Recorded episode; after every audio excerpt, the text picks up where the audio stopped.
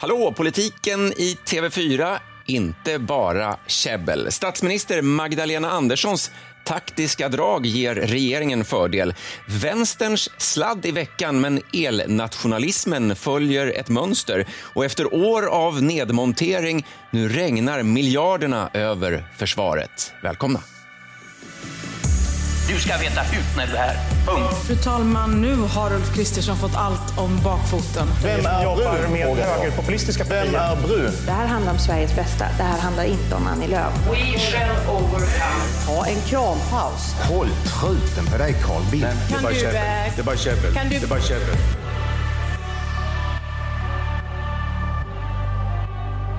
Och här i poddstudion, Ann Tiberg, Ulf Kristoffersson, TV4s erfarna politiska kommentatorer. Jag heter Johan Macéus och eh, vi har ett visst avstånd här i studion, men ute i samhället, Ulf, så är nästan allt som vanligt nu. Ja, och jag har varit och hämtat ny energi i skidspåren och där eh, åkte det på ordentligt. Just det, Jens B Nordström var här och vikarierade förra veckan. Ann då, en oerhört intensiv politisk vecka för många, i synnerhet för dig. Ja, vi, jag har ju faktiskt den här veckan omdefinierat hur en partiledardebatt ska gå till med de här 30 sekunders inläggen. Blandade mottagning får man väl säga.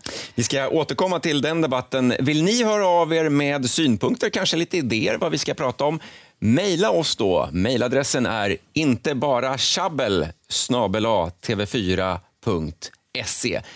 Innan vi ger oss i kast med de taktiska dragen eh, och första ämnet så tänkte jag visa och lyssna till ett klipp som i alla fall jag reagerat på här i veckan. Kommer ni ihåg och har ni sett det här? Har statsministern kört båt förut? Ja, jag har kört svävare förut. Vad är skillnaden med- jämfört med det här? Det går jävligt mycket fortare.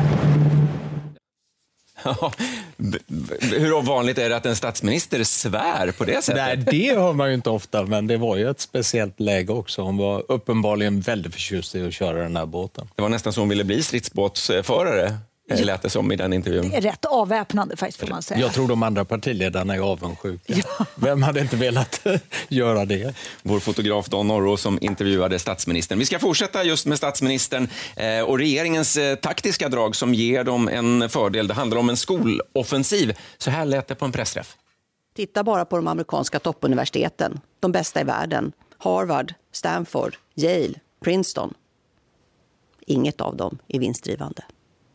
Det är för övrigt inte Handelshögskolan i Stockholm heller. Ja, statsministern där. Ulf, du har reagerat på det här. Ja, jag tittade ju på hela den här och, och jobbade med det under dagen och kommenterade det. det. Det lät ju som ett första maj-tal väldigt mycket från Magdalena Andersson. Hon tog verkligen ut svängarna. Det egentliga ämnet var att man skulle presentera en lagrådsremiss eh, om eh, att man föreslår förändringar i, i skolpengssystemet då, så att det ska bli mer till kommunala skolor och mindre till friskolor. Eh, men problemet där det var att eh, den här lagrådsremissen fanns inte att titta på när pressträffen var på morgonen. Det dröjde fem timmar efter pressträffen innan den var expedierad, så att säga, offentlig. Då. Och varför spelar det roll? Jo, men då delar man ut ett halvt A4 där det komprimerat står lite om innehållet. eh, Men journalisterna har inte en chans att läsa själva dokumentet, hur det är formulerat och har då mycket mindre möjlighet att ställa eh, granskande frågor på innehållet eftersom man inte får se det. Men du menar att det inte är en slump? Nej, det, det är ett mönster. Nu har vi sett det. Regeringen har gjort så här vid flera tillfällen. Att man håller pressträff om något där själva dokumentet ännu inte finns färdigt. Eh, Det var så när det här Lilla hjärtat, eh, utredningen om Lilla hjärtat eh, presenterades i mars. Då fanns inte utredningen på bordet utan man har pressträff och berättar om innehållet, ger sin version av innehållet och journalisterna kan då inte se grunddokumentet ställa frågor på det. Och jag, jag tycker det är ett oskick. Och och jag håller verkligen med dig. Det här är ju någonting som, det hände ju även häromveckan när man presenterade de här nya pensionstilläggen, det här bidraget till de sämst ställda pensionärerna. Det fanns ju inte ett papper, det finns ju fortfarande inte ett papper för övrigt om, om det förslaget. Så det, det är verkligen ett mönster. Eh, men tänker du, tror du att regeringen gör det här med flit? Alltså, och vad är det de uppnår? jag, jag tror det finns ett eh, taktiskt eh, tänkande bakom. Att det är bra att få ut det eh, så snabbt som möjligt, så att säga, redan innan regeringen tar beslutet och det blir expedierat. Eh, och Sen tror jag också att man ser fördelarna i att kunna styra agendan, så att säga. Eh, För att sen, det här kom då på eftermiddagen, fem timmar efter pressträffen, eh, så kunde vi sätta oss ner och läsa och då är det hundra sidor tättskriven juridisk prosa som ju tar egentligen några timmar att läsa igenom och då hinner ju inte, rapporteringen är, är redan igångsatt. Mm. Det går Och så fort så att- Ja, Mm. och, och då, sen är det ju också en effekt av det här ökade tempot överhuvudtaget.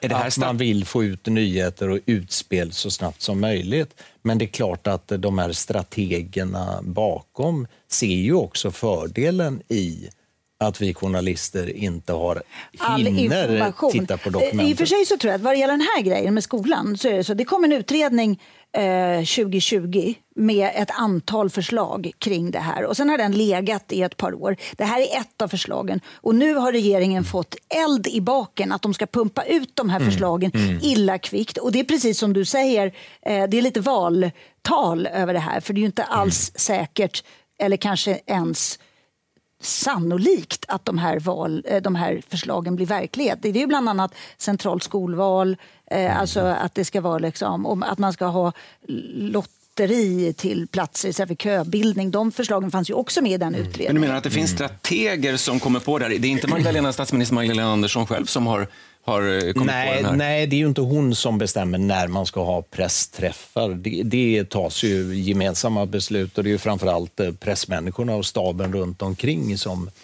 som sätter tidpunkterna Mm. för det och lägger upp det schemat. De, de har ju faktiskt till och med ett uttryck för det här. De kallar det för att de ska ta ut någonting. Har du hört det? När de säger så här, ja, nu, nu är det bestämt. De har liksom ett, ett schema och så gissar jag då att det som hände igår det var att man insåg shit, vi måste hinna. Vi, det är liksom ett hål just nu, det finns ett utrymme att ta ut den här grejen. Och så tar man ut den här grejen i den här formen. Eh, Man behöver ha loss statsministern för att hon ska prata för det här är prioriterat. Och den här stackars eh, skolministern som inte hade hunnit läsa på som stod och läste innantill hela vägen. Tänkte du på det? Ja. Hon kunde ju inte Lina frågorna. Axelsson, mm. Eh, Kihlblom, ja. Hon Mm. kunde ju faktiskt inte riktigt, nu ska jag inte vara jättetaskig, men det kändes lite som att hon faktiskt inte hade hunnit plugga in materialet. Nej, Eh, nej. Så. nej och det var sen, ju lite sen hårt. gav hon faktiskt under dagen förändrades hennes svar lite grann. Mm. För att när de fick frågor på pressträffen om hur stort kommer det här avdraget att bli så var svaret helt undvikande. Eh, och det står ju inte i lagrådsremissen heller. Något. Det står för övrigt inte i utredningen heller. Nej, men Och sen- I sen- utredningens konsekvensbeskrivning så står det inte heller. Så Nej, nej, inte, men sen, man har sen, aldrig rätt sen på eftermiddagen i, i, eh, i radion så sa hon 8 till 10 procent. Eh, som, det. som då var hämtat från eh, den tidigare utredningen. Ja, ja, det Men det här ja, taktiska- det, där stod den siffran. Så att hon ändrade lite grann argumentationen för de insåg väl att det var inte så bra att hon inte säger någonting, Nej. svarar någonting på den frågan. Men det här, är ju tak- inte fastlagt. det här taktiska draget, då, ger det regeringen en fördel eller är det en nackdel snarare att journalisterna eh, ser igenom och faktiskt ja, att det, att det Nej, inte jag, ger en jag, fördel? jag tror att de ser en fördel i att eh, kunna pumpa ut innehåll på det här sättet eh, utan att journalisterna är så väl förberedda och har hunnit läsa igenom materialet. Ibland, ibland känner jag nästan att, att vi skulle kräva att få se det det handlar om innan vi går på en sån pressträff. Kommer vi att få se dokumentet? Nej, det är inte expedierat ännu. Det, det går inte att visa. Ja, men då är det väl ingen idé att gå dit och lyssna på er dragning om det och ställa frågor om det. Alltså, vi borde vara lite tuffare i de här situationerna än vad vi är. De, de tjänar på det. Ja. De gör det. Där är vi överens. Ett poddtips från Podplay. I podden Något Kaiko garanterar östgötarna Brutti och jag, Davva, dig en stor dos skratt. Där följer jag pladask för köttätandet igen. Man är lite som en jävla vampyr. Man har fått lite blodsmak och då måste man ha mer. Udda spaningar, fängslande anekdoter och en och annan arg rant. Jag måste ha mitt kaffe på morgonen för annars är jag ingen trevlig människa. Då är du ingen trevlig människa, punkt. Något kajko, hör du på podplay. Därför är gardinerna. Det här är Inte bara käbbel, politiken i TV4 och vi har en spaning från Ann Tiberg efter partiledardebatten tidigare i veckan. Så här lät det. Alla vet ju att det här är en låtsasdebatt. Därför så länge vi är ihopkopplade med kontinenten, precis som Marcus sa, så kommer ju de priserna föras in. Det är därför nu företrädare för svenskt näringsliv är livrädda för de här kablarna. För det äventyrar hela svensk industri och dess omställning. Så den här låtsasdiskussionen, det handlar ju om att regeringar, både Ulf Kristersson och Magdalena Andersson, har varit i Bryssel och sålt ut den svenska billiga elkraften. Det är därför det blir så höga priser nu. Det är självklart att det inte beror på enskilda reaktorer. Magdalena Andersson. Där sprack den där 30 sekunders regeln. Vänsterledaren Nooshi Dadgostar. Ann, din spaning här. Ja, alltså det här är otroligt intressant. För den här linjen som Nooshi Dadgostar driver här, den har hon fört fram sedan före jul. Och hon har fått enormt mycket mothugg. Eh, det hon säger är då att eh, Sverige förlorar på den här gemensamma elmarknaden som vi har varit med i eh, sedan 90-talet, ska jag påpeka. Inte, sen, inte som hon sa där, utan, men, men långt eh, så. Eh, och ingen annan håller med henne om det. Så det finns inte en möjlighet. Och hon har inte heller en jättetydlig plan för hur Sverige ska kunna lämna den här gemensamma elmarknaden om det ens var det hon ville. Eh, I sak har hon ju rätt i sin spaning. Det, här är, det är ju korrekt att det här eh, drar upp de svenska elpriserna och det, det finns massor med diskussion om det. Men det intressanta här tycker jag då är att Vänsterpartiet driver en helt egen linje och jag stod ju där och tittade, de andra partierna står ju och skrattar åt henne när hon säger det här. Det syns inte i bilden men, men de är så här, de vet inte vad de ska svara för att de vet inte vad hon egentligen vill. Eh, så, och, så det blir liksom Men- lite men- otydligt. Men det, det handlar väl också om att eh, Vänsterpartiet eh, väljer ju ett eget spår eftersom de inte vill ge sig in i den här diskussionen om kärnkraften. Vänster, v- eh, Vänsterpartiet satsar ju nu på att vinna arbetare i bruksorter inom industrin. Och om Vänsterpartiet, om Nooshi Dadgostar då skulle stå där och propagera emot kärnkraft så, så, som ju är partiets linje egentligen, så skulle ju det vara kontraproduktivt för henne. Och då hittar hon ett helt annat argument. Ja, och det- jag- som ingen, ingen ingen Så här tänker jag. Det, det, Vänsterpartiet har nog faktiskt egentligen un, under väldigt lång tid haft en drömposition i svensk politik. Därför att de, de är så pass små och har så pass, haft så pass lite inflytande att de har inte eh, de har kunnat driva saker som ingen annan eh, riktigt mäktar med eller vill granska. Alla andra är så upptagna med sina egna spår. Så de kan driva helt egna linjer och de, de blir faktiskt inte så granskade. Och där kan ju vi också vara lite självkritiska. Jag har nu under, tittat tillbaka lite vad Nooshi Dadgostar har sagt i tv eh, under de senaste veckorna i samband med deras kongress. Hon har bland annat sagt att Vänsterpartiet har drivit igenom den största pensionsreformen i modern tid. Då syftar hon på det här att de fick Mm. igenom något som ännu inte har gått igenom riksdagen för övrigt. En tusenlapp i bidrag till de, lägst, eh, de pensionärerna med lägst inkomst. Det är inte en reform egentligen. Den största förändringen...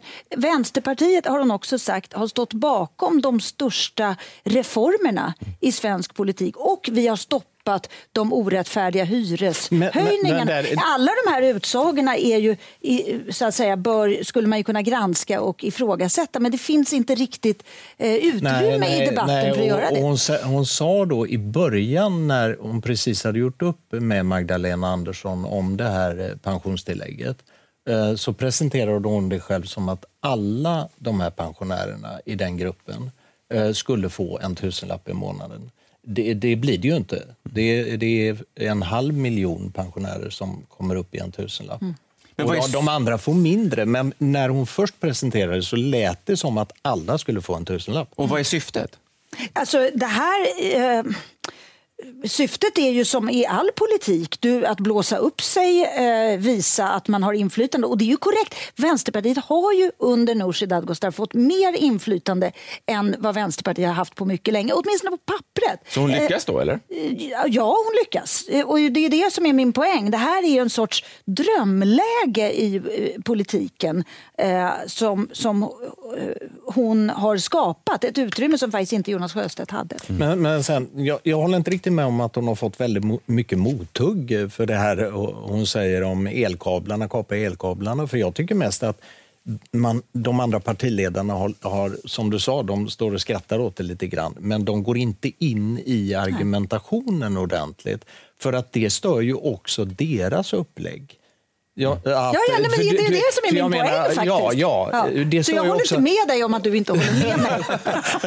du, sa, du sa att hon har fått väldigt mycket mothugg. Och det tycker jag inte riktigt. Jag tycker snarare att man inte har gått in i debatten riktigt. Mm. Man har inte bemött henne i den frågan eftersom det skulle störa deras argument. Eh, Jag menar Moderaterna, KD och de andra, att, att man behöver satsa mer på Det- kärnkraft. det- De vill ju absolut. diskutera det. jag håller med. ja, Det man kan säga är så här, 30 det som, som i den moderna eh, politiska debatten så finns det lite för lite tid.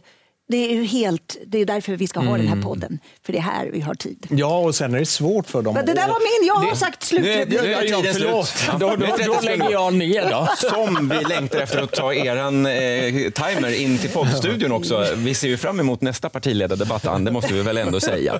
Eh, nu till ett annat hett ämne i svensk politik, nämligen försvaret. Från bespottat och benämnt som ett särintresse eh, så regnar just nu skattepengarna över svensk militär.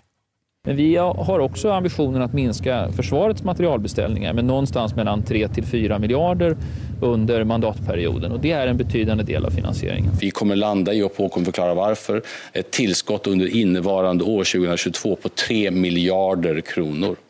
Och för...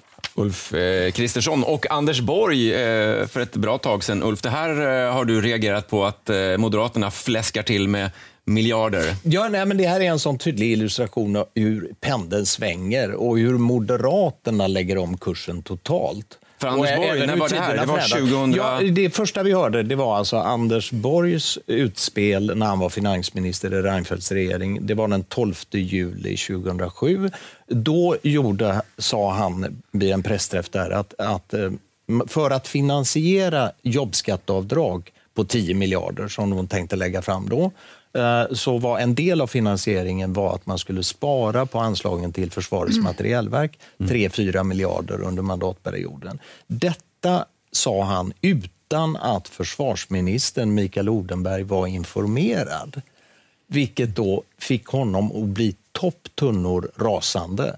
Eh, och jag var på Visby hotell då, där eh, de bodde också. Du såg det här alltså? Ja, alltså jag såg den här clashen mellan Anders Borg och Mikael Odenberg. Mikael Odenberg var, han var fullständigt rasande för att han hade blivit överrumplad av det här. Han hade inte fått veta att eh, finansministern tänkte skära ner 3-4 miljarder på försvaret. Det fick ju konsekvenser då, eller hur? Ja, och då sitter de eh, i lobbyn på, eh, i en soffa i lobbyn på bråkar. eh, Visby hotell och grälar så det skriker Framför dig då som journalist. Ja, och då, då kommer eh, dåvarande presschefen Ulrika Schenström eh, och ställer sig, försöker skymma sikten för mig, så hon ställer sig jag inte ska se att de sitter där och bråkar. Eh, och när de märker att det går inte att undvika Eh, så går de iväg, går upp en trappa upp i hotellet. Jag går en annan väg upp i hotellet. Och Såklart, för du vill ju kolla vad som händer. jag vill ha koll på vad som händer. Och möter dem i korridoren. Och vad händer då? Då vänder de direkt på klacken och går snabbt åt andra hållet. Man önskar du hade en eh, kamera eller en mikrofon där Ja, alla på, på den Ja. tiden, 2007, vi hade ju inte så bra mobiltelefoner då. Man hade liksom inte en inspelnings... Ja, det, vilken fin film du Ja, hade vilken fått film där. det hade Ja. blivit. Men det här bråket ledde ju sen till att Mikael Odenberg, han avgick eh, sen i september. Mm. Så det fick konsekvenser det här bråket? Ja, ja. Man kan ju säga att ja, Anders ja. Borg vann. Eh, det inte ja, så? det kan Ja. man ju säga. Ja. Men sen hör du idag då, när Moderaterna har ju lagt om rodret totalt och nu, är det, nu öser man Kristersson då, då är det liksom 3 miljarder på ett år utöver de stora satsningar som redan har beslutats. Men behövs inte det här med, med tanke på hur det ser ut i omvärlden? Ja, Ukraina, det- Ryssland. Ja, alltså det man kan säga nu, det som händer nu det är att försvarsberedningen ska kallas in igen och, eh, och det kommer att ske nästa vecka eh, på onsdag. Och då eh, kikade jag lite på vad, hur det ser ut, hur skrivningen är, vad det är regeringen skriver att försvarsberedningen ska göra, för den jobbar ju på regeringens uppdrag faktiskt som en sorts eh, rådgivande organ. Och då skriver eh, försvarsministern så här att eh, re, eh, försvarsberedningen ska, ska se över hur man inom nuvarande kostnadsram ska kunna förstärka försvaret. Så att eh, försvarsministern säger att det ska inte in några mer pengar. Mm. Eh, och det här grälet känner vi igen. Eh, och nu kom, då har Moderaterna satt sig, utan att ha något underlag, så har de liksom försökt räkna ut på gamla siffror hur mycket mer som skulle behövas. Och då säger de att det behövs 3 miljarder till. Jag kan berätta att andra partier i försvarsberedningen kommer att säga att det räcker inte med tre till. Så att då är budgivningen igång och det här är vi ganska vana vid i svensk försvarspolitik. Och man kan skratta åt det för att det är lite, det blir nästan lite komiskt. Så att sen sitter försvarsberedningen och sen kommer det att gå några veckor och redan tror jag på försvarsdepartementet att man förbereder sig på att de borgerliga partierna kommer att tåga ut eh, vid ett eller annat tillfälle och säga att, att vi kommer inte, regeringen vägrar att skjuta till mer pengar. Och eh, vad handlar det här om då? Varför gör man så? Nej, men alltså, eh, försvarspolitiken är ju ganska speciell. Alltså, det finns väl inget annat område där det har svängt så totalt genom åren. Alltså, efter andra världskriget, 50-talet, då, då skedde det en väldigt stor upprustning av försvaret. Eh, och sen stod det på sin topp eh, någonstans 64 och sen började det trappas ner, det blev nedrustning, eh, Sovjetunionen... Föll, och det berodde ju ja, på omvärldsläget. Ja, och Gorbatjov och glasnost och perestrojka och Warszawapakten upplöstes och så vidare. Eh, så att där var ju många år med nedrustning. Sen, sen började det skärpas till igen. Mm. Och, eh, och, tidigare hade vi ju ett invasionsförsvar och sen gick det över till att bli ett insatsförsvar. Eh, och nu är man ju inne på att bygga upp ett nationellt försvar igen av våra gränser. Men de här svängarna som har varit, de, det, det är otroligt vad det har svängt. Mm. Ja. Det finns inget annat område där det är såna totala omsvängningar. Nej, det är ju så. Och sen ska man komma ihåg det här försvarsberedningen. Det är ju, I sak så är det ju en väldigt bra idé att politikerna i riksdagen ska vara överens med regeringen om hur hotbilden ser ut. Mm. Så man inte börjar gräla om fakta. Man ska ha liksom samma verklighetsbeskrivning. Uh, så man kan ju tycka att det är lite synd att de ständigt hamnar i gräl om finansieringen, för det är faktiskt det de gör. Mm. Uh, och, och den risken är ju stor att den kommer att ske att det kommer att ske igen. Ann Tiberg, Ulf Kristoffersson, tack för idag. Tack för att ni har tittat. Har ni synpunkter på vad våra politikkommentatorer eh, säger och eh, har ni idéer på vad vi ska prata om? Maila oss, inte bara tjabbel, ta bort prickarna över det, snabel tv4.se. Den här podden finns där poddar finns och på TV4 Play. Tack för idag. Podplay poddtips från Podplay. I fallen jag aldrig glömmer djupdyker Hasse Aro i arbetet bakom några av Sveriges mest uppseendeväckande brottsutredningar. Går vi in med hemlig telefonavlyssning och, och då upplever vi att vi får en total förändring av hans beteende. Vad är det som händer nu? Vem är det som läcker? Och så säger han att jag är kriminell, jag har varit kriminell i hela mitt liv men att mörda ett barn, där går min gräns. Nya säsongen av Fallen jag aldrig glömmer på Podplay.